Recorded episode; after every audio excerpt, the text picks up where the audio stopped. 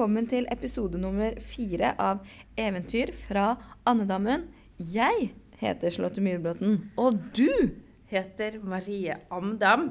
Eh, denne podkasten har vi jo gledet oss ganske lenge til, egentlig. Ja. Eh, det er jo et tema vi begge har vært eh, litt sånn eh, besatt av de siste årene, kan man si. Ja, det er en eh, cocktail av eh, eksplosive greier. Vi snakker eh, Svenske Akademien. Vi snakker metoo.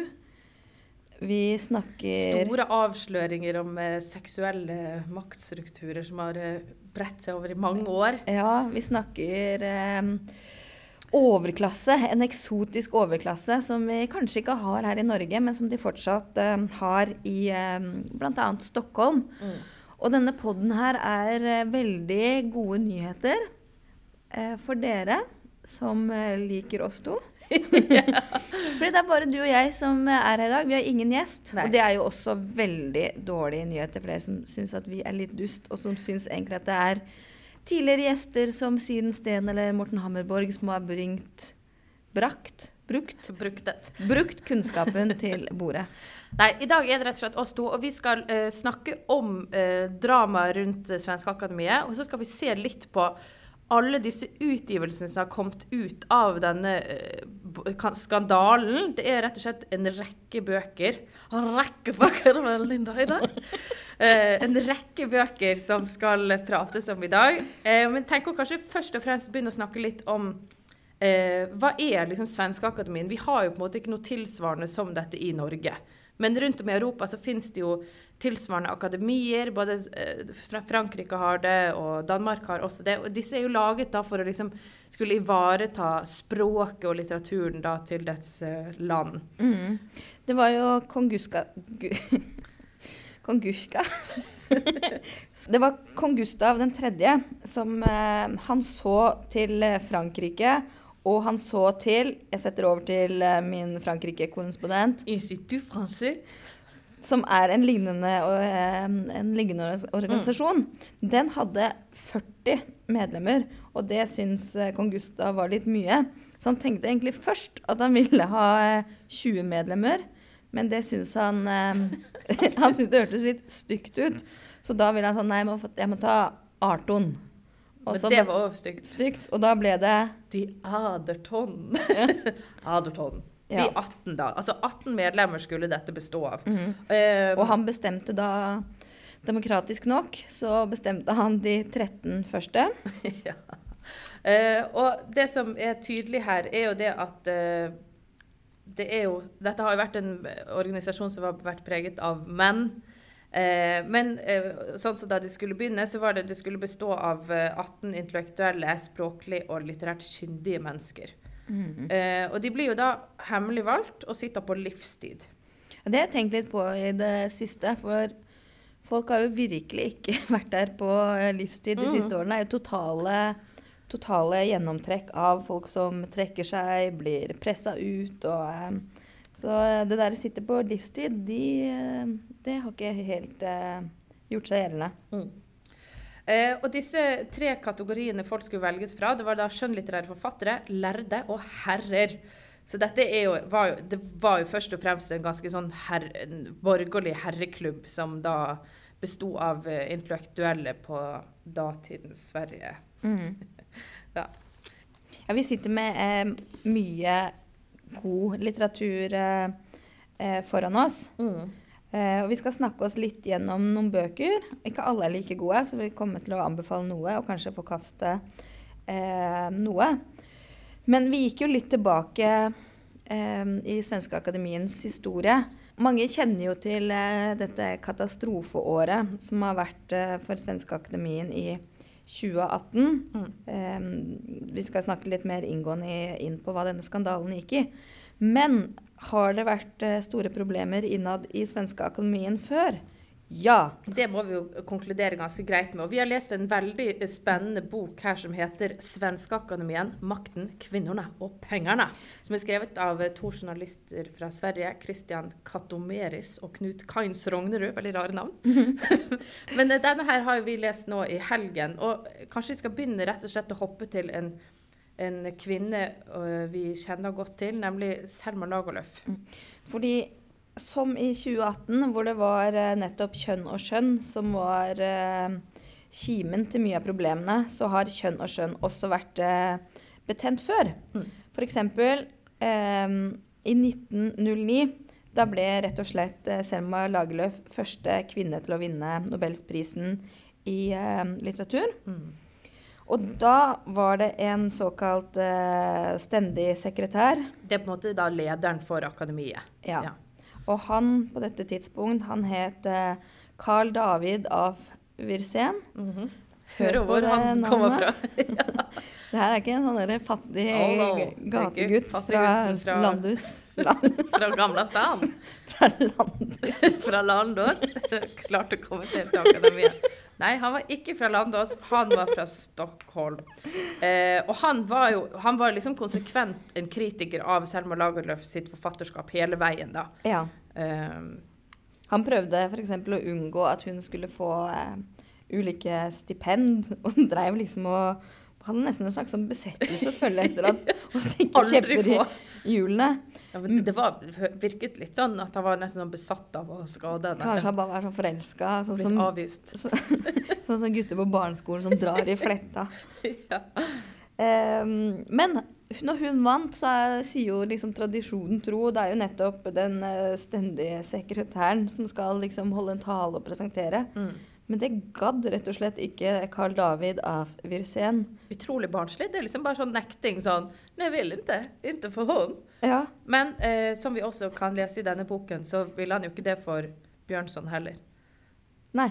Så det, det, det, han mente liksom at Bjørnson bare var tull og tøys. Så, det, så her har jo han hatt ganske sånn personlige meninger om Ja, og ikke bare Selma Lagerlöf, kanskje. Han var også veldig mot første gang ever det dukka opp et eh, damenavn på nominasjonslisten. Så var han liksom bare sånn no, no, no. Og det var vel en tysk forfatter, hvis jeg ikke husker eh, mm. helt feil. Men eh, denne Wirsén, han eh, han havna jo på historiens skraphaug på et vis. Vi vet jo alle hvordan det har gått, og hvor eh, stor, eh, stor Selma Lagerlöf og hennes arv nå er. Det er ikke så, ikke så Kjente ikke så godt til han Det er ikke beskjeden fra Landås vi husker i dag. det er absolutt ikke han vi snakker om. Uh, Også det er en annen ting som er veldig fint i denne gullboken, som vi har kalt den, da, for det er et veldig sånn flott gullcover. Kan du bare si hele tittelen en gang til? Svenskeakademien. makten, kvinnen og pengene. Ja. Fordi når eh, eh, Selma Lagerlöf eh, vant, så var det jo også en del sånne andre tilstelninger for å liksom ære henne. Også i den boken så skildrer eller beskriver Eller disse forfatterne skriver om en ung journalist som er nettopp et liksom arrangement for å hedre eh, Lagerlöf, hvor det beskrives at det er veldig mange, nettopp veldig mange kvinner i salen Mm. Eh, som kanskje ikke var så vanlig der, men at det liksom råda en eller annen sånn, litt sånn elektrisk eh, stemning. Og Elin Wagner, som denne journalisten eh, heter, hun er 27 år, og hun beskriver, beskriver arrangementet på følgende måte. Har du tid til at jeg klinker til å Ja, lese litt, eller? På sånn svensk-norsk. svensk-norsk? Det er alltid så behagelig å høre på når Skru på. Man gikk og drømte store drømmer ved musikk og fontaner og fioler, og øynene fulle av ljus og vakre farger. Man tenkte at det var en kvinne som hadde skapt denne vakreste bakgrunnen for en fest man gjerne kan finne, at det var en kvinne som hemburit vår største litterære utmerkelse, og derfor nå hylles som en drottning av sine medsystrer. Hva man kjente da, måtte nok være en kvinne til å innse, for mannen forstår jo til gjengjeld så mye annet. Det er jo en deilig, eh, deilig bitende bitende eh, sarkasme der. Må også legge til at denne Wirsén, han var ikke, han var ikke bare Lagerlöf. Han var eh, eh, hata. Han hata også vår helt egen Gode Henrik Ibsen. Helt Ja. utrolig. Og Ja. Tolstoy var så for moderne, og Strindberg så han mente det var underklasselitteratur.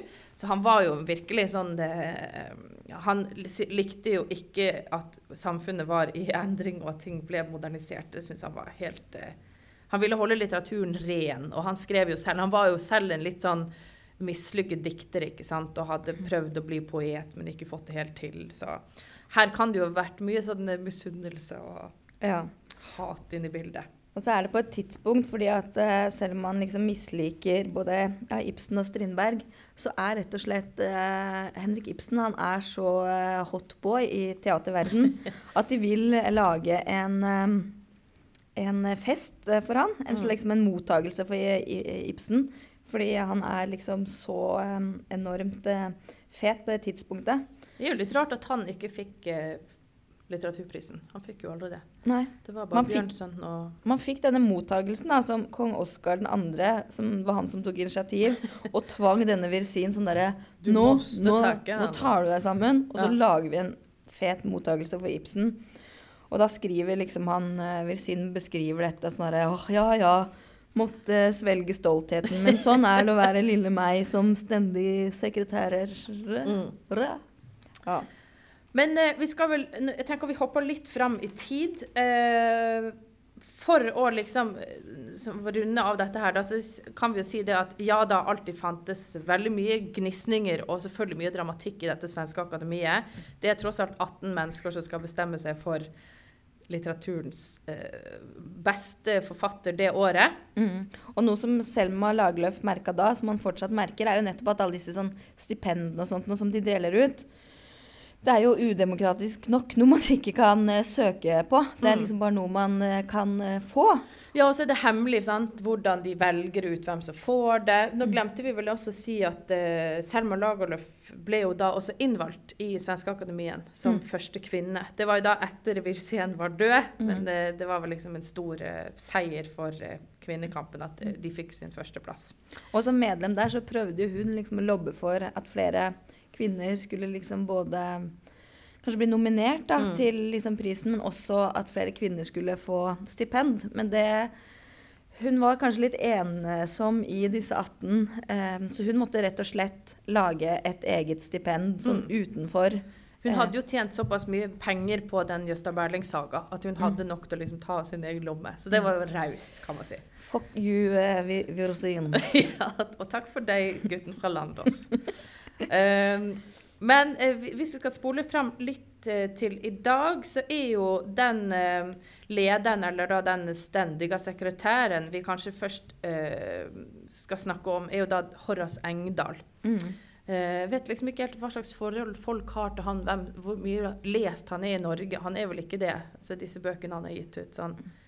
Det er jo litt rare ting han har gitt ut, disse aforismebøkene og Mm. sånn. Men ehm, han var jo da gift med Ebba Witt Brattstrøm, Mm. som eh, mange kanskje kjenner litt til i dag, eh, som eh, var ute og kritiserte Knausgård for noen år siden. Det ble jo en litt sånn opphetet debatt, for hun hadde sagt at eh, eh, Knausgård sin roman 'Ute av verden', og litt som han skriver i, om i 'Min kamp', hvor eh, Knausgård har skrevet om en karakter som har, en, har et forhold til en 13 år gammel jente, så mente hun da at denne romankarakteren var preget av litterær pedofili. Mm.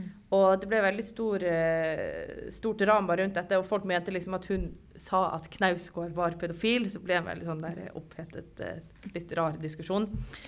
Og hun er jo ikke, Ebba Witt Bratstrøm er jo ikke mm, alene eh, med dette. Blant annet eh, professor Eivind Kjønneland har også vært tidlig på ballen med dette med eller Knausgårds litterære og eventuelt Pedofili. Ja. parol, parallelle mm, pedofili. Blant annet eh, fins det mm, Han var jo her i fjor, i mai, eh, og snakka Ja. ja.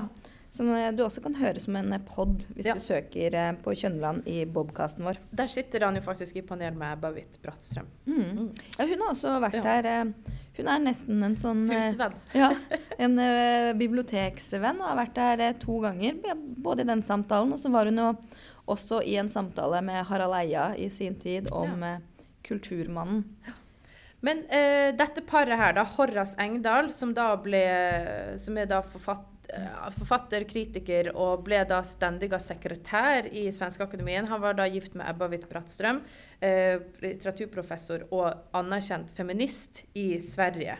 Og de var jo lenge liksom sånn det ideelle sånn kultureliteparet. ikke sant? Her hadde du liksom den som styrte akademien, og så var hun jo på en måte mer en sånn den progressive feministen. Så de var liksom, representerte jo ganske to leirer, ikke sant? men de framsto som et sånt perfect academic couple.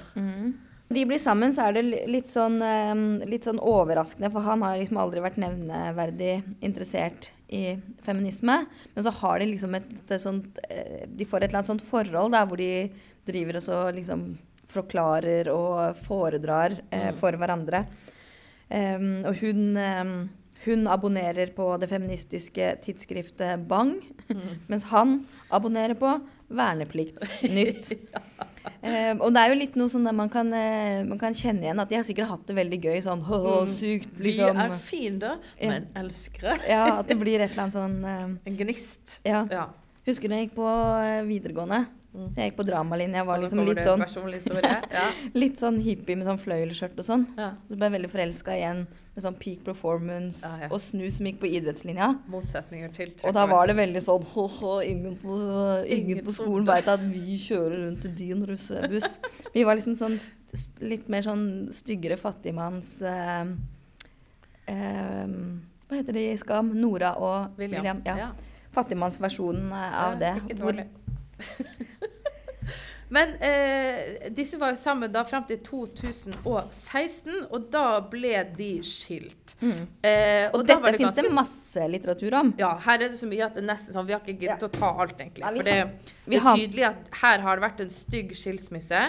Eh, og de hadde sterkt behov for å ta et oppgjør med hverandre offentlig. Eh, og det tok vel egentlig da når skilsmissen kom, så var det ikke noe særlig snakk om det. Men to år etter, ganske på samme tid, så kommer det to eh, bøker. Og dette fra, for Witt sin del så debuterer hun jo for første gang skjønnlitterært, som var litt overraskende, og gir ut av boken som heter 'Århundrets kjærlighetskrig'. Den er litt sprø. Ja, den er ganske sprø. Den er jo litt sånn tilegnet Mange kjenner kanskje til denne eh, veldig fine diktsamlingen til Marta Tikkan som heter 'Århundrets kjærlighetssaga'. Som er liksom et kjent eh, feministisk verk hvor hun tar oppgjør med, mot en sånn alkoholisert ektemann. Og hun har et veldig dys, dystert eh, familieliv. Og den, eh, den henspiller jo på denne diktsamlingen, denne boken til Ebba Witt Brattstrøm. Og den er jo ganske sånn mørk det er vold, og det er liksom veldig ha, hardt ordlag, og det er utskjelling, og eh, hva de sier da? Du kan jo bare gå og klage til dine feministhoror. eh, så her er det en som har hatt eh, behov for å gjøre, ta litt igjen, da. Eh, og så kommer eh, Horace Engdahl med sin egen bok, som heter 'Den siste grisen'. Intet mindre. Og eh, her er jo dette vi snakket om faktisk i den første boken. Nei, unnskyld, første podden. Dette med at uh, han sier at uh, den fullbyrdede penetrasjonen er et evig nederlag for kvinnen, men en evig seier for mannen. Og dette er jo liksom, Her harselerer han masse med feminisme, og, og det er jo da også en tydelig sånn eh, et spark mot henne. Mm. I den um gullboka som vi nevnte, så står det veldig gøy beskrevet om eh, nettopp hvordan han kommer seg inn i svenske akademien. For vi ser jo for oss at de liksom da sender de ut et brev med sånn gullskrift, og så med Ja. sånn rødt smelta stearin og sånn. Han har liksom skurket seg inn, om man kan si det. Det er Ja. litt snuskete. Ja. Men det som fysisk skjer ja. Det som fysisk skjer, er jo at eh, han er hjemme i sitt hus. Han og Ebba Hvitt Brattstrøm har da et lite barn som liksom han har på eh, armen. Og så hører han liksom sånn um, Roping. Ja. roping Vi og roper hallois. navnet hans utenfra. Ja. Og så ser han ut, um, og så ser han uh, at det står fire folk der. Og så er det fire medlemmer i Svenske Akademien, bl.a. Katarina Frostensson, som vi skal snakke litt mer om etterpå, som har gitt ut en bok ganske nylig som heter K. Og hun har kanskje blitt ekstra kjent da, som eh, maken til eh, den enda mer berykta Jean-Claude Arnault. Mm. Og så titter Horace Engdahl ut av vinduet, ser den gjengen på fire, som føler at de liksom står og holder rundt hverandre som en sånn gjeng. Men det vet jeg ikke. Og så går han ned trappa med barnet på, på eh, armen. Og det han tenker, det syns jeg er veldig gøy. Mm. Han tenker Kanskje de er her for å låne en bok? Hei, fine medlemmer av Svenskene. Vi skal bare låne den der produseren Odysseen av deg.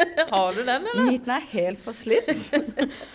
Så Men det er jo, han liksom gjør seg jo litt til da. Ja, nå, men det det viser seg da når han åpner opp døra, er at de kommer fysisk på døra for å spørre Hei sann, vil du være med i Svenska Akademien? Mm. Og da sier han ja, man takker. Ja, det jeg mente var litt skurkete, var jo det at han istedenfor Han, jo dokt, han fikk jo doktorgrad, Mm. men han gjorde det ikke på universitetet. Det var det som var litt rart. Han var skrevet en sånn essaysamling om mange kjente forfattermenn. Mm. Og så var det en på universitetet som var sånn Vi gir han en doktorgrad for den. så han, det var det, han lurte seg litt. Han har lurt seg litt i en sånn akademisk karriere. For han var ikke like god som Ebba Witt ifølge kildene i den boken her. Ja, Det var liksom hun som var den skarpeste av de ja. på universitetet. Og han har jo blitt litt sånn kritisert akkurat det med luring. Akkurat det der med å nettopp gi sånn lure stipender til venner og bekjente og sånt nå, som hele akademien har liksom en lang, lang historie og tradisjon, og det er nesten sånn det skal være. Mm. Han har bl.a. blitt kritisert for å gi stipend til sin homie eh, Stig Larsson, Mm. eh, stipend til sin nye kjæreste og sånn. Men, ja. Og det var jo også fascinerende med den i denne boken om eh, kvinnemakten og pengene. Dette med at i det franske akademiet, eksempel, og det var jo en tanke i det svenske også, at det var sett på som eh, Oppdraget er såpass ærefullt at man skal egentlig ikke få betalt for det. Man får Mm. kun en sånn symbolsk sum. Mm. Eh, og i Frankrike får de vel noe sånt som 40 000 i året. ja. Eh, som ikke er en sånn veldig stor sum, for det, det er jo liksom en gang i uken òg. Men det er liksom Ja. så det det det begynte- classy, liksom. At Ja. du skal være så takknemlig bare for å være Men jeg tror liksom på 80-tallet så kunne det være liksom sånn 130 kroner mm. møte. At det er helt sånn Ja, og det Nesten har litt jo for lite. Ja, det syns jeg også litt ut. For får gratis middag da hver torsdag. Men eh, at de, han eh, Horace Engdahl også har jo sørget for at disse honorarene har gått helt enormt opp. At nå kan man tjene over en årslønn, og du får Hvis du sitter i nok komiteer, så kan du liksom sant? tromme sammen Og du eh, får helt sånn vanvittige summer eh, når du er ute og reiser, f.eks. Og da bor du gjerne gratis, men du får alltid en sånn diettsum. mm. Og du har gratis lege, tannlege, og du får også liksom klær til enhver anledning når du trenger det. Sånn. mm. Da er du ikke liksom Du får kjøpe en fin kjole på, på Høyer. Da er det jo liksom sånn design, design. Mm. Så dette her de får jo, de har, Han har jo virkelig Når de går gjennom disse økonomiske utviklingene, så ser vi jo at med Horace Engdahl så kommer det Boom. Ja, gjør det til en slags sånn luksusorganisasjon. Man skulle jo liksom bare hørt på um, um, August Strindberg, som liksom allerede i sin tid Mm. kritiserte uh, liksom dette her med disse det, At det var umulig med noen transparens Transparens Transparens. Ja. på disse pengegreiene. Og disse, Ja, ja, ikke bare liksom lønnen, men også stipendene. Og August Strindberg òg var jo sånn at han tjente så godt at han faktisk kunne stille seg på utsiden og Mm. si fuck off. Men det er det vel ganske få som kan gjøre, rett og slett. da. Og det er jo det som er tydelig, som kommer også godt fram i denne boken her, dette med at nettopp fordi at det er så mye hemmelighold rundt hvem som sitter i disse komiteene, hvem som bestemmer over hvilke ulike litterære eh, stipender og sånn, Mm. så gjør jo det at folk hele tiden ønsker å være på godfot med akademi, ikke sant? For de vet at her er det ikke snakk om å gjøre seg upopulær hos de, fordi at det kan ta vekk en stor inntektskilde, ikke sant? Så de har hatt en sånn skummel makt over folk, Mm. fordi at de vet at sånn, det er der pengene er. Eh, hvis jeg liksom bare oppfører meg riktig mot den gjengen her, så er det banka kjør. Da kommer stipendene på løpende bånd. Og det er jo ikke en bra ting. Men vi skal hoppe litt videre til eh, eh, nettopp Katarina Frostensson, som vi snakket om. Hun er jo da Vil, du, vil du kanskje først si noe bare om Vi har en liten bok av Horace Engdahl her som heter Ja. De obekymrede. Ja, det er den nyeste, ja. Ja. Vil du bare si noe litt om den før vi Ja, den, den leste vi også nå, og den er jo en eh, pussig liten Pussig liten eh, roman, diktroman, en slags sånn Fra 2019. aforismesamling. Aforisme Hadde ikke med puste. Aforismesamling, eh, som er da sånne små eh, liksom, not sitater og liksom, skal, liksom korte tekster med mye innhold, da, at det skal være liksom tankevekkere. Eh, og her møter da Horace Engdahl en mann som heter Mahuro i en drøm, som snakker direkte til Horace, som da er hans eh, skribent, på en måte. Han tar imot det han forteller ham. Og han er da en slags eh, Sveriges mest anti-PK-drømmemann. Han eh, skjønner ikke hva alt dette styret i Sverige er. Nå er det sånn at nei, man kan ikke snakke til kvinner lenger og si at de er vakre, for da slår de tilbake og blir sinte. Uh, og han sier det at nei, mannens oppgave det er å erobre. Kvinnene lever kun for å bli sett, mannen lever for å se. Og denne Mahuru spør ofte også hvorfor skriver kvinner, de er jo bra nok som de er. Uh, og denne boken er litt sånn uh, provoserende i den grad at det, det er, kommer veldig mye sånne rare påstander som om Nei, det er ikke mulig, lenger mulig å være med kvinner uh, og være frimodig sammen med kvinner, for da kommer det bare liksom et helt sånn metoo uh, PK-polisen? Ja. Så det er litt sånn der som mange tuller med, som er litt sånn der Kan du klemme med det nå, eller blir det metoo? Eh, så det er litt den stemningen her. Og så skriver de også det. Man velger den kvinnen man har mest lyst til å ta kjolen på, og den som lar han gjøre det.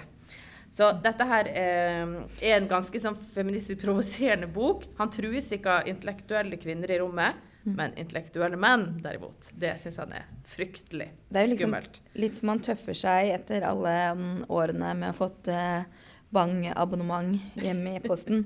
Og så er det jo Det er jo på en måte veldig koselig og barnslig at liksom en sånn voksen mann istedenfor å skrive sånn 'jeg mener', så er det sånn det var en liten dverg som sa til meg Har dere hørt hva Mahuro har sagt i det siste? Jeg syns det er sånn, sånn Shakespeare-fe som kommer sånn ja. 'Jeg må fortelle deg noe om verden du lever i'. Ja. Nei, det er veldig rart. Men det har jo kommet, eh, det er liksom kommet som flere bøker som handler om konkrete forhold i det svenske samfunnet, men som liksom bare later som at det er sånn ja, Det er bare et dikt and that, det her.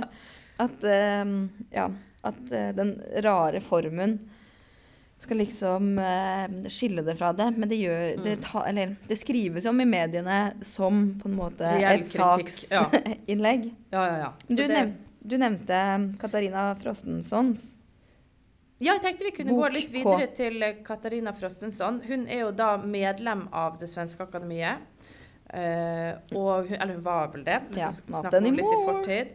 Uh, men også en veldig kjent poet. Uh, veldig kritikerrost og har vært liksom en av de store poetene i Sverige de siste 30 årene, egentlig.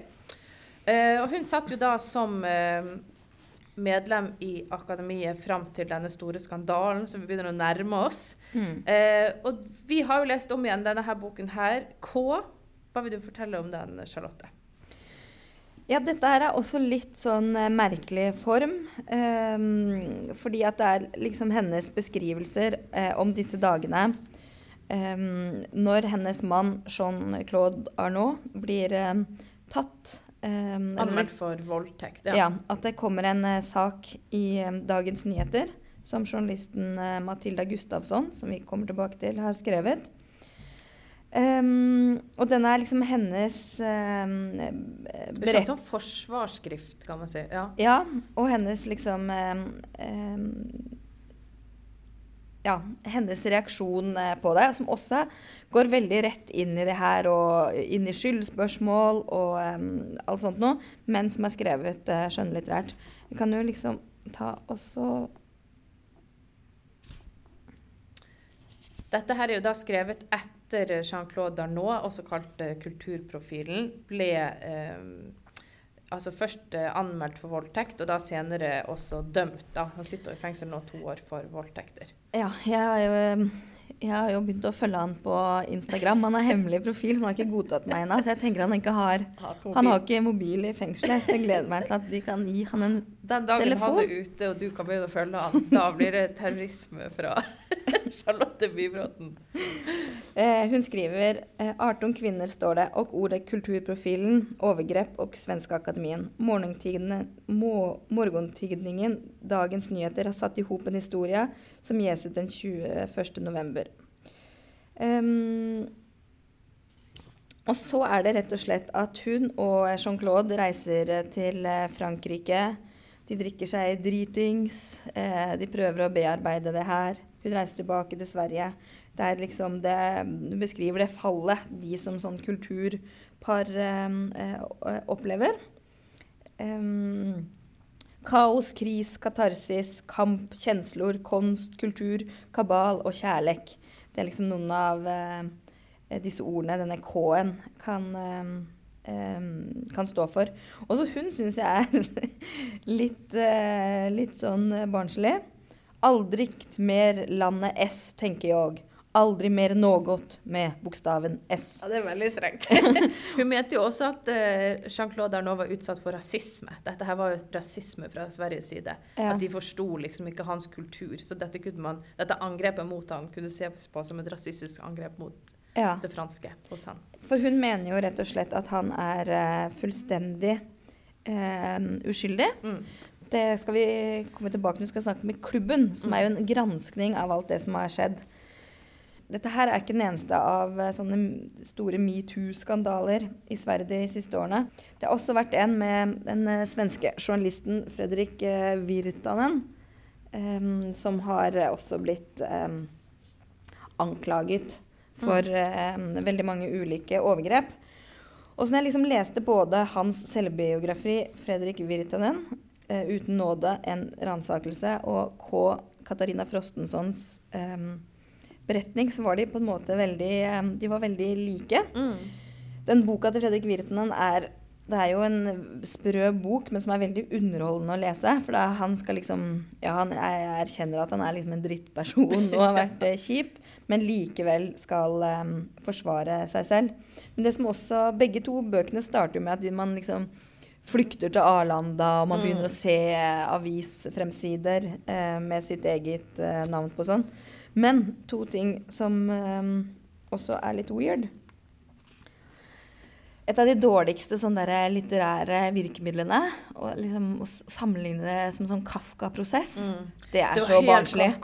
Ja, det, det er så overbrukt, det. Det er veldig få som opplever sånn som Kafka, eller som Josef K. har i prosessen. Ja, herregud. Det er ganske Og han vet jo faktisk ingenting. Disse her vet jo faktisk litt hva, de, hva folk begynner å mistenke.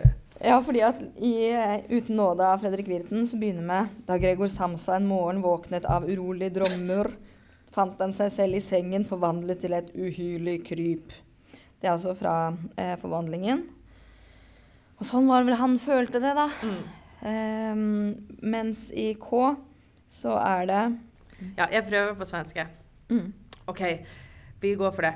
Att anklagas falskligen, det er å forstå Frans Kafkask verk innenfra. Det er på så vis en gåva, en svår gåva at en aning bättre fatter processen, der gestalten Josef K står inför de labyrintiske domstolarna. Någon måste ha for förtalat Josef K, ty utan at han gjort noe ondt, hektade hans en morgen. Nei, men altså, hun mener at eh, hun kjenner seg så igjen i denne her sprø følelsen. Tips til alle som vil skrive noe hva som helst. Er det en eh, anmeldelse? Er det en bok? Er det et dikt? Er det en kronikk? mm. Aldri bruk kafkaesk. Nei, det, det, Kafka det, det er brukt opp. Rett og slett. Nå kasta jeg eh, Men den er absolutt verdt å Den er litt altså, den er, mors, den er Den er gøy å lese hvis ja. man er besatt av saken, mm. eh, og at man vil eh, se hvordan hun tar inn over seg eh, hva som skjer i mediene, og hva som eh, ruller, eh, ruller opp. Mm. For det skjer jo utrolig mye med denne Jean-Claude i, eh, i Svenskeakademien. Vi har Mm. liksom ikke kommet helt Nei, til sakens eh, totale bombe. Nei, vi begynner å nærme oss litt nå. fordi at eh, Jeg tenker vi går til Klubben. Eh, denne boken av Matilda Gustavsson, som kom eh, i fjor høst. Det er nesten som en sånn thrillerfortelling. Dette er nemlig granskningen fra eh, 2017 til i dag.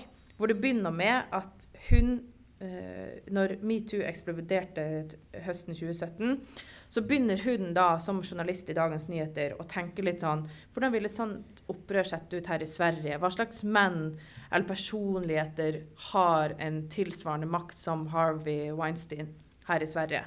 Og begynner liksom å leke litt med navn, liksom drodle litt med kollegaer og er sånn derre hvem, hvem kan det være? Liksom, Fins det noen sånne type personer? Og da begynner jo dette navnet Jean-Claude Arnault å dukke opp. Og hvem er dette for en type? Bortsett fra at han ikke vil akseptere min følgeforespørsel. Vi hadde vel ikke kanskje hørt så mye om han her i Norge før denne saken blusset opp. Han er, han er akkurat som oss. Han er en kollega. Han er arrangementsarrangør. Han er rett og slett en arrangementsarrangør. Han eh, startet jo Vi skal komme litt inn på hans person, liksom hans historie etterpå. Men han er jo da eh, mannen til Katarina Frostenson, poeten og Svenske Akademi-medlemmet. Og han drev rett og slett et eh, kulturhus i Stockholm som er et forum. Og dette var et samlingssted for litteratur, musikk og kunst, og var rett og slett et sånn man kan jo si at det var liksom kulturelitens samlingspunkt. ikke sant? For her florerte du jo av disse medlemmene fra Svenske Akademien. Hvis du var en ung forfatter med forfatterambisjoner, så var det liksom the place to be. For der visste du at der kom du alltid til å møte på liksom, nettopp folk som sånn Horace Engdahl, Katarina Frostenson. Folk som eh, jobbet i Svenske Akademien, eh, forfattere som Stig Larsson. Det var liksom et, eh, et veldig spennende sted, beskrives det som. En kjeller. En kjeller. En litt sånn eh, Ikke sånn eh, fancy, men litt sånn at eh, Sånn murpuss på veggene. Kanskje litt sånn garasje, litt sånn som gamle garasje. Jeg har sett for meg at det er litt sånn. Ja. Eh, mens dette stedet da drives av denne Jean-Claude Arnault.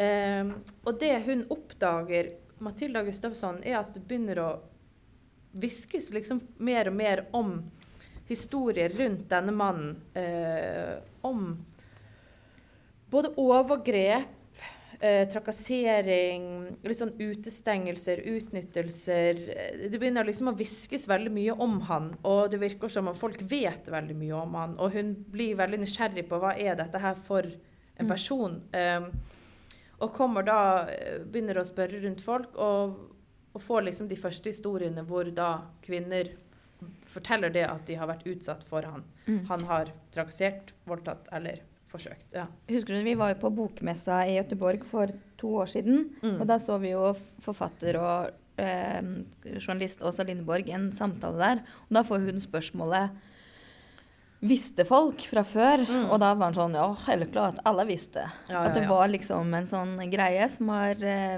Både presse og kulturkretser visste det, men så bare lot det suse eh, og gå. Mm. Og det er det de har snakket om også, at det, det har vært en sånn tystnadskultur, en stillhetskultur. Åsa Lindaborg sa jo også det at første gang hun var på forum, husker du det? Mm, nei. Hun gikk, eh, var på forum en gang på 90-tallet, kommer inn døren, første hun møter er Jean-Claude Arnault, som hvisker til henne at det ser ut som hun har en fin eh, Ja. vagina.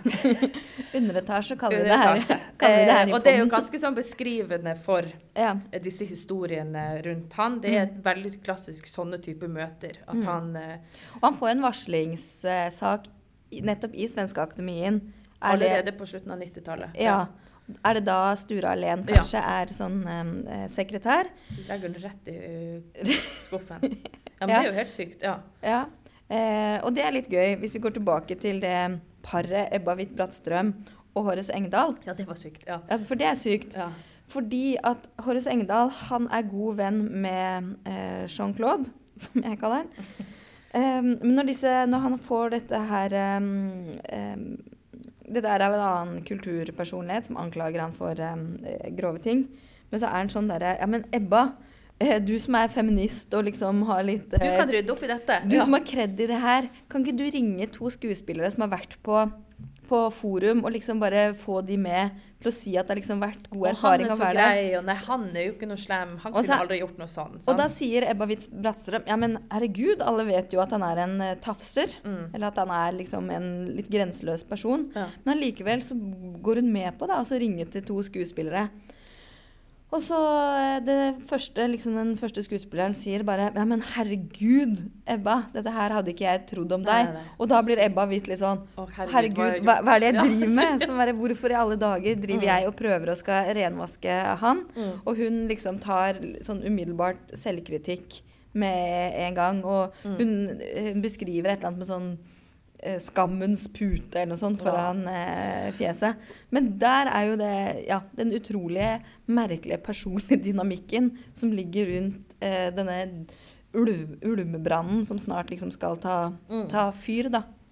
og det ja, Som nevnt her også, så var jo da Jean-Claude Arnault og Horace Engdahl gode venner. Mm. Eh, og også som i denne gullboken så kommer det også fram det at eh, Horace Engdahl har jo forsøkt å liksom gi eh, liksom Sørge for at han skal få masse sånn stipender, og har liksom på en måte støttet Forum økonomisk i årtier, ikke sant. Så Det er ikke mye penger. Nei, men tror- en sånn fast ja, årlig sum på jeg tror det var- 140 000. 128 000 Ja. tror jeg liksom eh, var. Men, Nei, eh, men likevel, det- det ikke liksom- sånn enormt, Nei. men likevel en sånn der eh, Ja. fast sum til Arnault, og liksom alle hans prosjekter og sånn, det Mm. har uh, han fått penger fra uh, Svenskeakademien. Men eh, tenker vi går litt inn på klubben igjen. Det eh, Matilda Gustafsson så utrolig formidabelt gjør i denne eh, granskningen sin, når hun begynner da høsten 2017, er jo nettopp det å klare å få disse kvinnene i tale. Eh, for det som kommer fram når hun begynner å snakke med dem, er at mange av disse kvinnene hun snakker med, har jo opplevd ting nettopp for liksom, eh, 5, 10, 15, 20 år siden. ikke sant? Mens veldig mange har fortrengt det. De har ikke fortalt om det til noen, men med en gang hun på en måte klarer å åpne den døren med dem, da, og liksom forteller de at eh, jeg har snakket med flere, og liksom historiene begynner å ligne sånn på hverandre, og liksom kvinnene begynner å føle et slags sånn fellesskap i at de faktisk er flere. Um, for så mange av disse vitneutsagnene er uh, først og fremst helt grusomme å lese, fordi at det er liksom såpass drøye overgrep. Men det som kanskje er verst, er jo nettopp det at hver gang de, de prøver å fortelle han sånn der 'Jeg kommer til å gå til politiet, jeg kommer til å anmelde deg, jeg kommer til å fortelle om dette til alle kollegaene dine', så har han en sånn utrolig sånn sterk manipulativ side til å klare å lure de til å tro, eller liksom true de såpass hardt da med at liksom Jeg kommer til å ta fra deg alt du har, jeg kommer til å liksom sørge for at du aldri får Dette er jo stort sett liksom forfattere, journalister i liksom kulturbransjen som er av, avhengig av eh, økonomisk støtte, ikke sant. At jeg skal ødelegge deg i denne byen. Eh, du kan liksom bare glemme å gå ut på gaten i Stockholm hvis du forteller om dette. Altså Han har liksom vært så konsekvent sånn manipulativ og truende da, at så mange av disse kvinnene rett og slett bare har tiet. Og en annen ting som er jo litt um, spesielt i denne klubben-boka, er jo hvordan um, hun redegjør for hvordan dette her har ikke vært skjult for eh, hans make og poet Katarina Frostenson. Hun har tvert imot nesten stått, sånn bak siden og og sett Ja. sett um, det skje. Ja, mange beskriver jo sånne episoder hvor de har sittet rundt et bord, ikke sant? og han har begynt å tafse på en eller annen dame, og så liksom ser hun bare at hun Katarina Frostenson ser på henne mens det skjer, med et sånn stivt blikk. Ja. men ikke griper inn. Og det er veldig mange lignende episoder. ikke sant? At Ja. folk har merket at dette blir jo lagt merke til, Mm. men ingen gjør noe. Mm. Må legge til da at eh, Frostenson sjøl mener jo at alt dette her ikke stemmer, som kommer Mm. fram i hennes bok K igjen. Så det er jo veldig Ja. Det er jo interessant å lese dette opp, eh, opp mot eh, hverandre. Og så må jeg bare si en ting som dette her med metoo. Mm. Sånn, ofte når liksom kvinner står fram én og én, så blir, blir man jo ikke trodd. Nei, nei, Fordi man er liksom Og det er bare deg. Men sånn som her, når hun har samla 18 Mm. stykker, så blir det sånn Og man blir ikke trodd da heller, for da er man liksom sånn en bøling som har blitt sammenraska Mm. til liksom å ha et sånn, en felles, en felles eh, sak og en felles agenda. Ja. Så det er liksom sånn derre catch 22. Ja, og det som er fascinerende her, er jo liksom Dette ble jo da en stor sak i Dagens Nyheter i slutten av november eh, 2017. Og da er det jo disse 18 kvinnene. Noen var anonyme, noen sto fram med fullt navn. Og så var det jo en del kvinner som ikke hadde lyst til å være med i denne saken, da. Mm. Eh, men det er jo litt da påfallende Disse forteller jo da alle historiene liksom blir fortalt. og Det var liksom en skikkelig storsatsing fra avisen sin side. Eh, og Matilda Gustavsson skriver selv at hun lurer liksom veldig på hvordan Svenskeakademien kommer til å reagere på dette. Nettopp fordi det er så sterke koblinger til dem. Men Horace Engdahl uttaler liksom om artikkelen at eh, han syns det er veldig vanskelig å ta sånne vitnesmål på alvor. Eh, om man ikke tør å stå fram med sitt ekte navn, da er det vel ingen grunn til å høre på dem. Eh, så dette er jo liksom hans liksom, forsvar mot dette her. Eh, og det, dette her, denne avisartikkelen blir jo egentlig liksom starten på den store skandalen for Det svenske akademiet. For plutselig eh, Det jo blir jo er da sine kraften av å ha samla ikke sant? Og da er det jo da Sara Danius, litteraturviter og forfatter, som er stendiga sekretær, altså leder. Horace. Engdahl og Katarina Frossensson sitter også da i akademiet. Um, og hun er jo vel den uh, første kvinnelige mm. sekretæren ever. Og hun kommer vel på plassen til Selma Lagerlöf. Ja. ja. Passende. Ja. En ting vi glemte å nevne i stad, er jo at hun uh, unge journalisten Elin Wagner, som beskriver den derre store stemninga av å være på Selma Lagerlöfs mottakelse, ja. hun ender jo opp i svenske akademien, eh, hun også.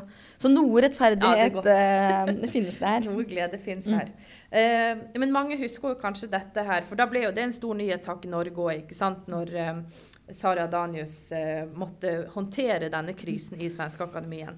Og det som kommer fram, er jo det at eh, når, da, når, de får vite om disse anklagelsene, så blir det jo liksom da sånne ekstraordinære møter sånn i Svenskeakademien, for de må finne ut hvordan skal vi håndtere dette, fordi han har eh, klare bånd til akademiet. Mm. Både det at de har støttet han økonomisk, og det at han da er sammen med eh, Katarina Frostensson. I tillegg så begynner det da å komme anklagelser om at han har lekket nobelprisvinnere. Mm. At Katarina Frostenson da har eh, sagt hvem som skal vinne Nobels eh, litteraturpris. Jeg skjønner det. Hadde jeg sittet i Svenske Akademien, hadde sagt jeg, hadde gått, jeg hadde sagt det så lett til eh, kjæreste. Det er også et eksempel med De har liksom gransket litt sånn eh, Var det Göteborg-posten? Ja. De har også vært så konsekvent sånn der. Jeg har Utrolig store featureartikler om nobelprisvinneren. Gjerne to måneder før den får den. Så der er det tydelig. Også her har det foregått en sånn evig lekking. Ja. Og da virker det jo som denne lekkingen kommer da nettopp fra Jean-Claude Arnault via um, Og dette her er jo dette her er, Sara Danius er jo liksom allerede en litt sånn um, en person som har gjort seg raskt eh, bemerka i Svenske Akademien. For hun kommer inn med liksom noe liksom farge, noe mm. nytt. Eh, det var hun liksom som eh, gjorde Eller var primus motor for at eh, nettopp eh, Bob Dylan mm. skulle få prisen. Og hun liksom Og ønsket jo å få flere kvinner inn. ikke sant? Hun ja. var kjent feminist og var liksom en veldig tydelig forkjemper for at uh, ja. Svenske Akademien skulle fornyes. Mm. Hun pleide å si med sånn tørrhet at hun uh, for det hun har forska på og skrevet mye om Han sa liksom sånn ja, det, Mine interesseområder er egentlig bare døde, hvite menn. menn ja. ja. Det var jo noe mer enn det òg. Men det, hun, og hun, eh, når freds, Nei, ikke fredsprisen Eh, prisen til Bob Dylan ble annonsert, um, da på et eller annet tidspunkt så sier hun sånn The times they are, are changing. Og så legger hun til 'perhaps'. Ja, og det skal jo i ettertiden gå voldsomt eh, troll i ord. Mm. Men det som er litt fascinerende eh, når de begynner å snakke om disse påståtte da, eh, overgrepene i denne artikkelen de leser, eh, og tar opp på Svenske Akademimøtet, så kommer det jo fram at de fleste i Svenske Akademiet faktisk da innrømmer at Jean-Claude Arnault har vært trakasserende mot dem. Mm. Eh, datteren til poeten Christina Lung har blitt trakassert. Som akkurat døde. Mm. Mm. Sara Danius innrømmer selv at hun har blitt tafset på. Og flere av de mannlige medlemmene de innrømmer at liksom både koner og kjærester og ja, de, ja, døtre ikke vil være med på nei, festene. Ja. At de liksom gir beskjed om sånn Hei, jeg kommer på festen, men ikke sett, ikke sett dama mi ved siden av Jean-Claude, liksom. Så dette her har liksom Dette er jo det, det, det liksom, Dette kommer jo ikke som noe sjokk i den grad, ikke sant? For alle har visst at han har vært mm. eh, han har vært en sånn type som tafser og, og trakasserer mm. i årevis. Men det er jo liksom da kraften det kommer med, ikke sant? i at mm. det kommer med disse 18 kvinnene, og Dagens Nyheter kjører liksom fullt på topp. Og her står de liksom utenfor, foran en veldig sånn etisk, et etisk dilemma. Da. Hvordan skal de forholde seg til dette her? Og dette mm. skaper jo da spliden mm. i Svenskeakademien. Vi har Sara Danius da på den ene siden. Som vil eh, renske ut og lufte opp. Ekstern granskning. Um, Horace Engdahl, som tidligere har støtta henne veldig. Og, ville, jo, løftet henne fram, liksom. Veldig. Litt at hun Fordi, skulle bli Ja, for det er litt sånn gøy med Horace Engdahl, siden han liksom blir sett på litt som sånn uh, grand all uh, Gubby man. Ja. ja. Men han har alltid hatt liksom en sånn svakhet for um, feminister likevel. Ikke mm. bare med liksom Ebba Hvitt Brattstrøm, som han liksom var gift med i mange år. Han liksom hadde liksom nær eh, forhold til den veldig kule eh, forfatteren Liv Strømquist. Ja, de hadde jo TV-program sammen. Ja, Hun ville jo ikke snakke så mye om det i dag, da. Nei, men der de også skulle liksom være litt mm. sånn uh, umake par. Mm. Og så var det nettopp det at han uh, kjempa veldig for uh, Sara, da, Danius. Mm. Og veldig lenge er jo han med på Han støtter jo henne fullt ut, denne, ikke sant? Go, go, interne intern granskning. Og sender henne liksom masse fine meldinger. og sånn der, 'Du var kjempegod på pressekonferansen i dag', og liksom 'Jeg heier på deg', og Ja. 'Dette skal vi rydde opp i', og Mm. virker liksom som han backer henne 100 da. Mm. Men så skjer det jo et eller annet eh, Denne liksom opprensningen står liksom i clinch mot det der eh, eldgamle prinsippet i akademiet at ting skal ordnes opp eh, bak, ja. bak lukkede dører. Og så i tillegg så er det jo det Skal Frostenson automatisk liksom ut? Skal hun liksom straffes for det Mannen har gjort. gjort? Ehm, ja. Og der er det liksom spliden virker som det skjer litt, da. For det, no, akademiet deler seg litt på to. Det er de som eh, med Danius, og hun er vel ganske tydelig på at hun vil vel at egentlig Frostenson skal forlate akademiet. Mm. Um, men så har du de på andre siden som mener at Frostenson skal bli, og da blir jo plutselig da Horace Engdahl Han går liksom i spissen for det, og blir plutselig hennes beskytter. Mm. Eh, og et eller annet som vi da ikke vil kanskje få vite noensinne. Nei, fra å skrive litt med han når hun har hatt den første pressekonferansen hvor hun liksom er sånn nå Vi skal kutte alle bånd, dette skal vi rydde opp i. ja. og han eh, sitter på krogen og sier sånn Dette klarte du. Ja. Til at han ikke så veldig lenge etterpå sier at hun er den verste eh, sekretæren i akademiets historie. Så er det mye, mye action her. Mm. En ting er jo kanskje at mange reagerer på at um, eh, Sara Danius eh, Det er jo helt bakoversveis, disse pressekonferansene hennes Mm. med liksom et løfte om en ny tid og sånn. At kanskje hun tar munnen litt for full Mm. eh, ut ifra hva de kanskje har avtalt. Ja, så virker det som hun av og til har gjort litt ting på egen hånd. ikke sant? Ja. hun skal holde denne ene pressekonferansen.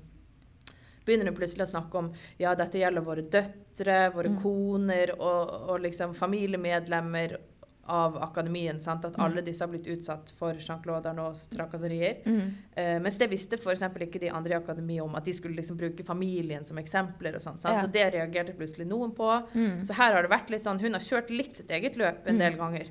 Og i den eh, er det Gullboka, mon tro?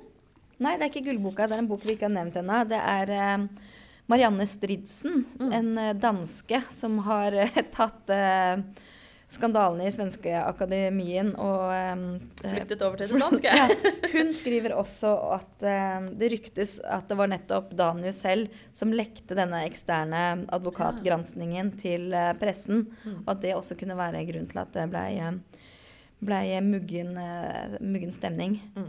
Men jeg må bare, det, er, det, er, det er liksom så mye Det er så mye tråder og så mye Mm. ellevilt her, så man liksom må holde tunga sånn rett i munnen. Men det mest ellevilt kanskje er jo dette her med at Sa, eh, Sara Danius tror at kongen vil at hun skal gå av, Mm. og trekker seg ehm, for eh, Anders Olsson. Er det Ja, han, han heter, tar er over eh, etter henne. Ja. Anders Olsson liksom kommer og sier sånn Nå har kongen Kongen sier Han er jo da deres øverste beskytter, må vi Ja. legge til. ja, step down.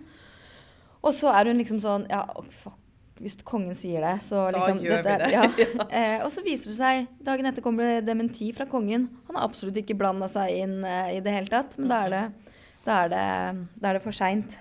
Men så begynner jo da medlemmene å hoppe av. Sara Stridsberg, f.eks., for forfatteren, hun sitter også i akademiet. Hun trekker seg. Eh, flere begynner å trekke seg. og Til slutt trekker jo også da Sara Danius seg som stendig sekretær. Mm. Eh, og da er jo ikke Det blir liksom to, to leire. Ja, og, og da er jo akademiet ikke fullbyrdig, ikke sant? Nei. Og det er jo også derfor det liksom besluttes at det, årets litteraturpris ikke skal deles ut Mm. året etter, da.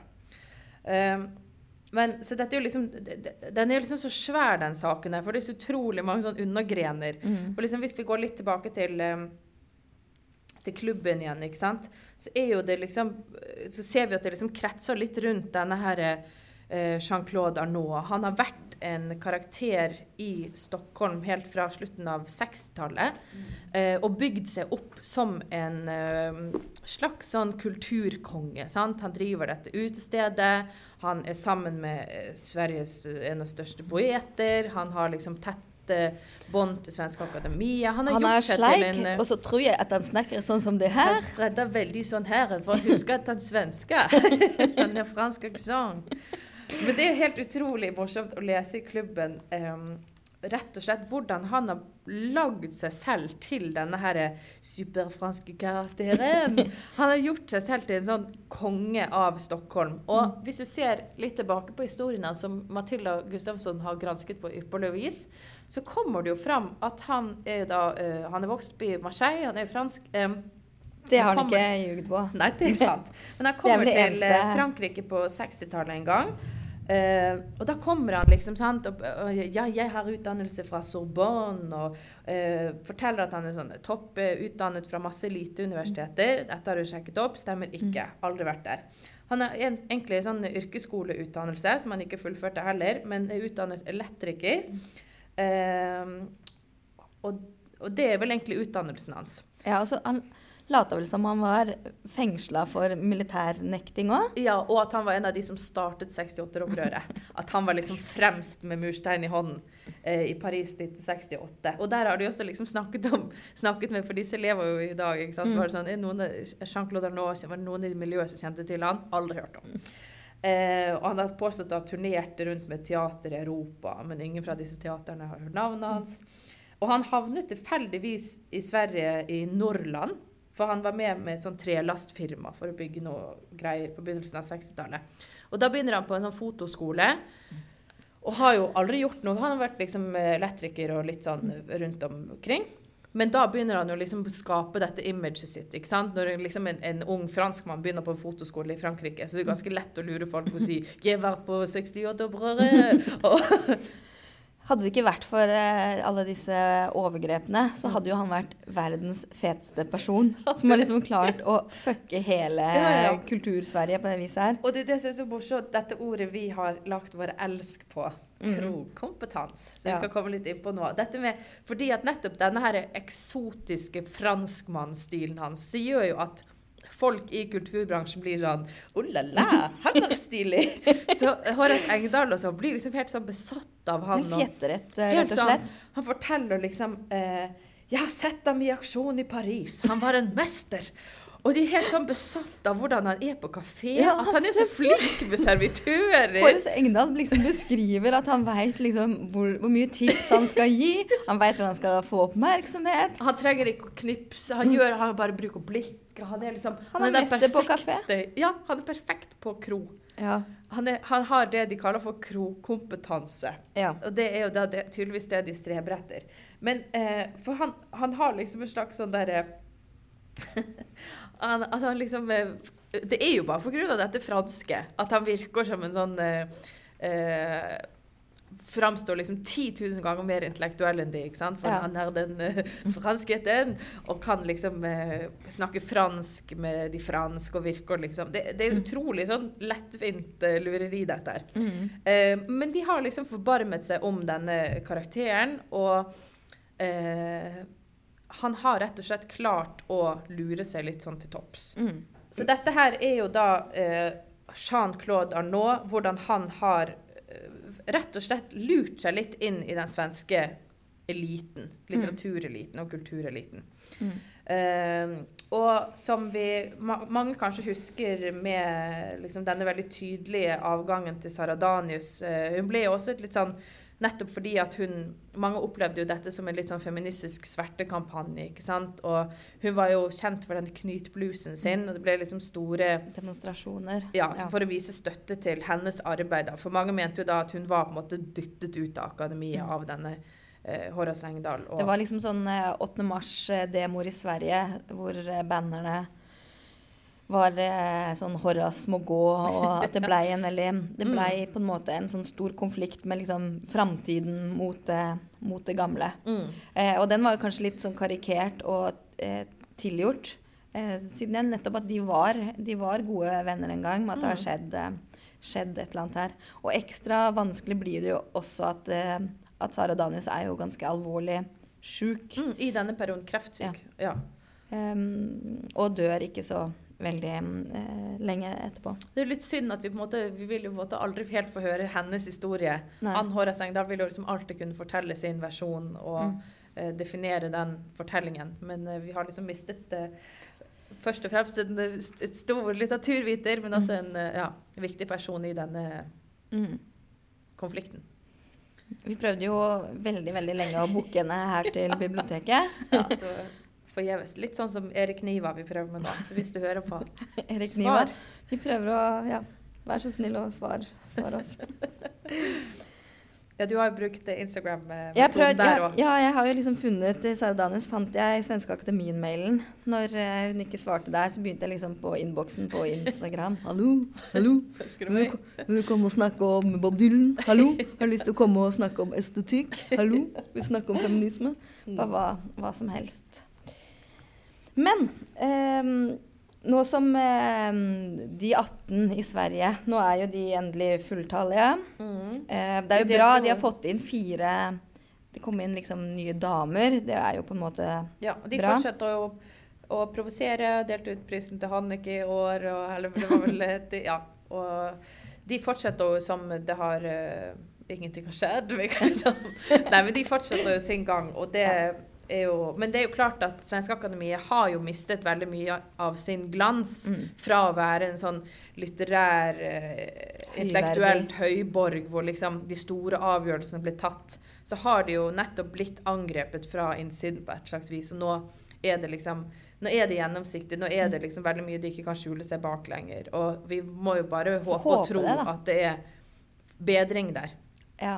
Og at alle disse stipendordningene at de ikke er like de, de oppdaterte jo litt da, at det var sånn der Ja, vi kan liksom ikke dele ut til folk vi liksom har personlige ja. eh, relasjoner til og sånne ting. Så liksom en liten bedring eh, er det jo. Men det blir jo veldig spennende å følge de de neste årene og se Mm. om det liksom kommer eh, nye kriser på Kanskje ikke av samme nivå som dette, for dette er jo ekstremt. Mm. Ja.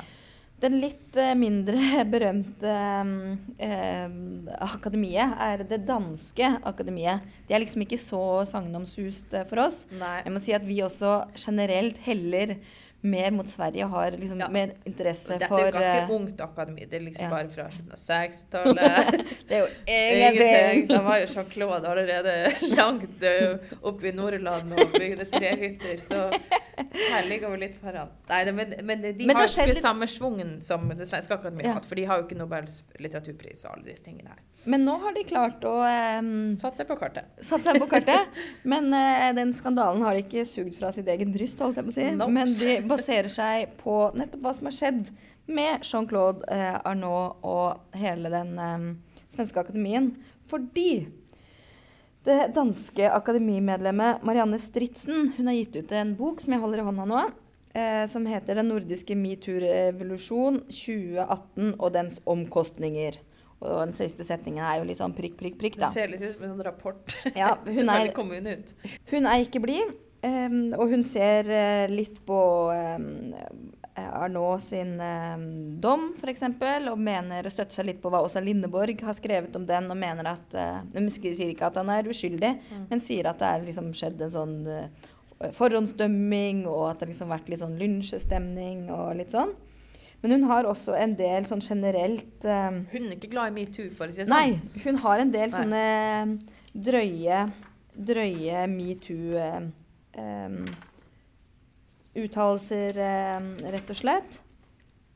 Hun har jo Det er jo ganske ekstremt, da. Altså, hun eh, Har du noe gull? Ja, hun sier her at man skal lære av historien og ikke underkjenne at det er noen mønstre som gjentar seg. På den måte kan man si at metoo er den nye nazismen. Det er selvfølgelig et uh, voldsom sammenligning, men man kan se lignende øvelser til en maktovertagelse uten de gjengse demokratiske institusjoner. Nettopp det at man ikke har samme type rettssikkerhet for ofrene og sånn, da. Mm. Eller de som da eh, Enten ikke ofre, men de som er da anklaget. Uh, hun har også argumentert for at man bør rettsforfølge metoo-aktivistene. De som liksom da fremmer kanskje disse påstandene etter terrorparagrafen. Så hun har kommet liksom både sammenlignet med terrorisme og nazisme, som er ganske sånn drøye påstander. Ja. Og i denne boken her så har hun liksom tre caser som skal vise hvordan metoo har gått eh, for langt. da. Mm. Eller det er litt sånn eh, generelle krenkelseskulturen, som det gjerne heter. Som, eh, hvordan det er blitt på universitetet. Det er de som mener at det på en måte At man er f.eks. For, for bevisst på hva man skal si og ikke si. Mm. Eh, Er det ikke lov å gi hverandre en klem, da? Ja. det Er det ikke sånn. lov å si N du? Ja, ja. OSVO. Og så er det om sammenbruddet i det svenske akademiet, og så er det om eh, forfatterskole. Eh, en skandale i Danmark. Men hun går også ganske mye inn på nettopp hva var det som skjedde mellom Sara Danius og Horace Engdahl, de som var så gode venner, og så Ja, ja. Så eh, det er litt spennende å lese for hva hun sier. Men hun, har hun godt Hun kjente godt til Horace Engdahl? Ja, de, ja, det er det også, ikke sant? Hvordan kan Hel- hun så mye om deres ja, men he- hele, hele er jo bare sånn Horace Engdahl. Veldig smart, veldig bra. Han har gjort alt rett. Og så er det sånn, han har jeg kjent, i 25 år, faktisk. Men det er også gøy, for eller hun disser Ebba Witt Brattstrøm veldig eh, mye òg. Ja, Så han kanskje har vært sånn har- sjalu ja, eh, en affære. Og så er det noe som eh, etter Sara Danius er død. Og den her er jo skrevet eh, før hun Ja, den er skrevet før hun døde, ja. Ja, eller jeg håper Jo, for den guds kom i skyld det. 2019. Ja. Ja, fordi at hun ikke, legger ikke noe mellom. Um, for eksempel når uh, Danius, som har blitt veldig kjent for disse sinnssykt fine kreasjonene, og hennes liksom sans for mote, så skriver hun liksom sånn Ser ut som på seg et firemannstelt. det er uh, faktisk uh, Det er så greit. Det er så greit. um, Nei, men, Men- hun her er jo ikke glad i Sara Danius. Det kommer tydelig fra. Nei. Mm. Eh, og så hun mener jo at metoo gjør eh, kvinnen til et eh, offer. Si at hun støtter seg kanskje på eh, Kjenner du til fem, feministen, eller feminismens antifeminist Camille Paglia? Ja. En sånn amerikansk professor som liksom mener eh, at det ikke er samfunnet som eh, lager forskjellen mellom kjønn, at det er liksom det dyriske, det er naturen inni, inni oss. Em, så hun er på en måte em, eh, Hun er litt vintage, da, på kjønnsrollene. Men det som har overraska oss litt, det som har skjedd, er at det er mange som har trukket seg fra det danske akademiet. Blant annet vår homie, som ikke var her for så veldig lenge siden. Susanne Brøgger. Susanne Brøgger. Vi blar fram Oh, sånn. Her er det så mange bøker å velge mellom at de renner utover gulvet. Alfander Hagen. Han har et navn som Han kunne vært med i Svenske Akademiet. Ja, høres sånn ut. Hans samtalememoarer eh, med Susanne Brøgger. Mm. Eh, og hun trekker seg nettopp, hun gidder ikke å sitte i eh, det her med hun Marianne. Stridsen mer. Hun og tre andre. Så det er fire som har trukket seg nå pga. hennes kontroverser. Ja. Ja. Um, og det er litt overraskende, for Susanne Brøgger hun er jo også sånn som kan være litt sånn kontrø, kontrø, Ja, ja. At hun er sånn Jeg er bare feminist Annenhver dag'. dag. ja. og er litt sånn um, um, Mener at det liksom Nei, det er de unge. Hun har liksom ingenting å kjempe for. Nei, det er de unge som skal gjøre det. Liksom, ja, ja. At hun er litt sånn uforutsigbar. Ja. Også veldig sånn befriende på noen måter. Alle Ja. kan ikke være like forutsigbare feminister som oss to. Nei.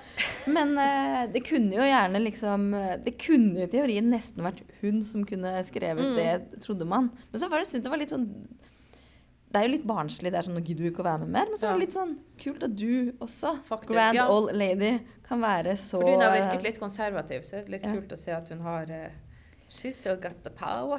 Du har ikke glemt deg selv, Susanne. Nei, du er hvem du er. Men det er jo litt, det virker også som det har vært en del sånn Altså det er ikke kun pga. disse uttalelsene, men sånn som det kommer fram, så er det også det, det at hun har um, hun, Man skal jo på en måte være så nøytral som mulig når man sitter i en sånn type akademi, ikke sant? Men det folk har sagt, er at hun har eh, tatt liksom sine egne politiske og ideologiske tanker inn i akademiet, og gjerne eh, liksom snakket på vegne av akademiet når hun egentlig skulle snakket på vegne av eh, sin lektorstilling på universitetet. Så her har, det virker som hun har blandet litt roller, og så har hun også sikkert vært eh, ja, litt for politisk i sine diskusjoner, og kanskje hatt sånne egne overbevisninger i Mm. typ sånne utdelelser og sånne ting. Så Ja. Det høres ut som hun har eh, liksom lekt litt med rollene på Ja. feil måte. Hun har jo også vært ganske sånn aktiv som eh, kommentator i avisa rundt eh, han eh, nevnte eh, Fredrik eh, Virtanen og hans fall og hans oppstandelse Mm. igjen.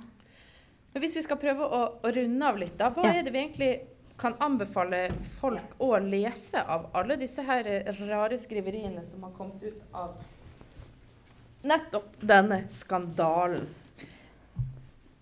Kanskje vi begynner med denne. Jeg, jeg, vil nok si at vi leste jo denne her nå begge to. Den vi har kalt gullboken hele veien. Mm. Eh, Svenske Akademien 'Makten, kvinnene og pengene'. Mm. Dette er jo en ganske sånn eh, ryddig og grei inngang til akademiets historie, for å forstå litt hva, Eh, hva jobben de faktisk har vært ment til å gjøre. Og så er det en veldig fin oppbygging, dette her med Selma Lagerlöf til Sara Danius. Det er et, et fint sånn spenn eh, viser liksom den historiske linjen fra eh, Lagerlöf til Danius. Det er også en eh, fin og Den er jo veldig kritisk til Horace Engdahl sitt eh, eh, sin overtagelse av akademiet, og liksom har ganske sånn grundig granskning både av det økonomiske eh, og ja, alt som fremstår litt sånn snuskete, da, har de gravd i. Så denne her er en ryddig En sånn bra innføring, ja. Ja, en sånn fin, ryddig innføring til selve Svenske Akademien, og for å forstå litt hva denne krisen handlet om. Mm. Og så er jeg ganske sikker på at uh, de som skrev den, de må ha lest uh, Ebba Witt-Brattstrøms 'Kulturmannen' og 'Kulturkvinnen'. For de har litt samme oppbygning, bare at her uh, er det enda mer juicy. Ebba Witt-Brattstrøm, hun er hun er ikke redd for å, for å, skyte fra hofta, for å si det sånn. Så hun liksom går eh, Jeg begynner med Kulturmannen, eh, liksom hva det er. Og så er hun også innom nettopp den Selma Lagerlöf, Lena Andersson, som det ble mye debatt om eh, i Sverige. Til hun også kommer til eh, Katarina Frostensson. Den her er jo liksom ikke oppdatert på, på eh, eh, dagens hendelser. Den her er, eh, ja, som sagt, den er saftig, mm. eh, underholdende. Og så er det litt sånn eh, Det er litt sånn litt sladrete, da. Mm. Um, og som en sånn eh, motstykke til den Marianne Stridsen-boka, så også Ebba Witt Brattstrøm. Hun har ikke ligget på latsiden i, i det her. Jeg tror, jeg tror, hun liksom Hun tror jeg liksom litt liker det, der, den dynamikken mm. eh, mellom henne og Engdahl i offentligheten. Hun har også skrevet en bok som heter 'Historiens metoo-vrål'. Vrål, det betyr brøl, gjør det ikke det? Ja, er det litt sånn krangel eller ikke litt sånn Et vrål er vel en krangel. Så det er vel metoo-opprør gjennom historien, da. Ja. Eller litt sånn lignende tilsvarende? Um, og den er fra 2019, og den tar egentlig opp, eh, opp eh, at dette her som vi ser i eh, akademien, er litt en sånn tidløs, tidløs greie. Mm. I tillegg så skriver den ganske mye om om eh, norske forfattere. Hvis man er sånn som blir eh, smigret? smigret av det, som jeg ble når det kom sånn eh, om Herborg Wassmo, så var jeg sånn Hun skjønner oss. vi. Hun, ja. Og hun eh, Hun som har skrevet den derre Egalias døtre. Som man sier det? Ja, Gerhard Brantenberg. Ja. ja. Sier man sånn? Egalias ja, døtre? Aldri sagt det. Nei, aldri sagt det høyt. Aldri sagt det høyt. Um, så den også eh, Den eh, er litt mindre sånn slervete, da. Ja, hvis man ja. vil Hvis man eh, vi, vi, må jo kanskje legge til at vi har jo litt sånn Litt kjøpt kanskje en side av saken. Kanskje litt. Ja, vi kan ikke si at vi er så veldig objektive. Vi har jo vært uh, eh, veldig pro. Fredrik Virtanen sin eh, bok, utrolig underholdende. Ja, den er, den, er den, er ganske sånn, den er litt flau å lese av og til. Ja. For den handler jo veldig mye om sånn Å, jeg var på krogen, og det var masse kvinner som ville ligge med meg. Jeg var på spybar, og så var det kokain som bare hoppet opp inn i min lille nei.